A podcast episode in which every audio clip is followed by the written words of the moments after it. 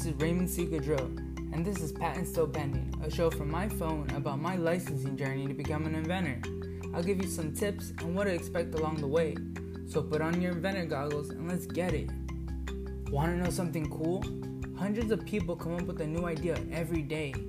Want to know something that sucks? Most of them never do anything about it.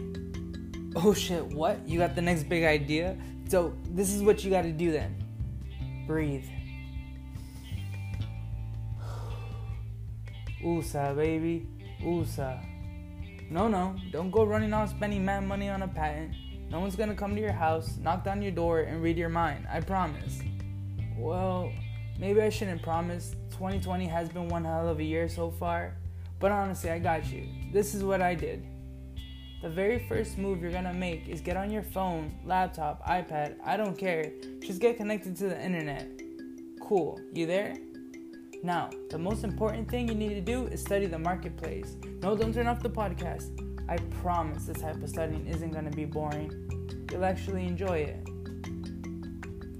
Now, study the micro category of what you want to invent in. Did I lose you? Here, let me give you an example.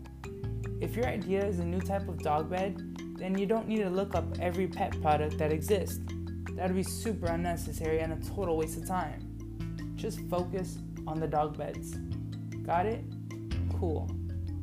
Now go on Google Images and type in similar products. Let's use the example I just had. I would type in dog beds, dog hammocks, dog water floats, anything you can think of that can be somewhat related to your idea. Focus on different keywords. Scroll through all the images and make sure your idea is nowhere to be found. At the same time, you want to keep in mind the little things like price range, materials, companies that own that product, that kind of stuff. Personally, I wouldn't rush through this step. It can really hurt you later on when things get more serious. When you're confident that there's no idea like yours on the market, you need to jump on Google Patent Browser. Literally, just type in Google Patent in Google and it'll switch the browser for you. Now, you're gonna do the same thing you did on Google Images. Sometimes just because you don't see your idea being sold somewhere doesn't mean that it hasn't been patented yet. Here's a great lesson to learn now. Just because you got a patent for your idea doesn't mean it's good. It doesn't guarantee your product's gonna make any money or any sales. Let's be real for a second. Do you think that the patent and trademark office care about your idea? Because they don't. What they care about is that stupid large amount of money you just sent to them. Patents are useless. But that's for a different episode. Let's get back on track. Search through the patents and enjoy it because you get a sneak peek in the minds of others. There's some pretty cool stuff people think up. Once you confirm that there's no patent out there like yours, well, guess what? You're pretty much in the clear. You have a solid foundation to continue with your product. Now, if you did find out that your idea has been invented, don't get disappointed.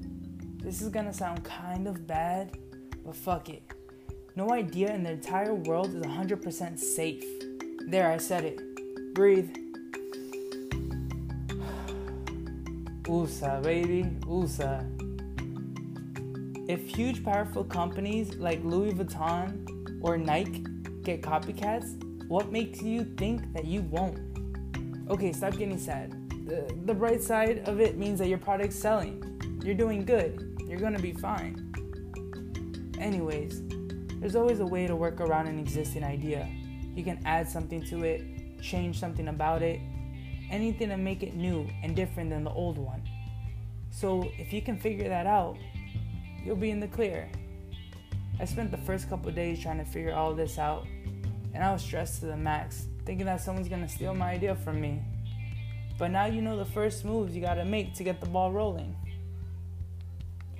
If you know anyone else that could use this advice, share the podcast with them. I'm Raymond C. Gaudreau, and thank you very much for listening to Patent Still Pending.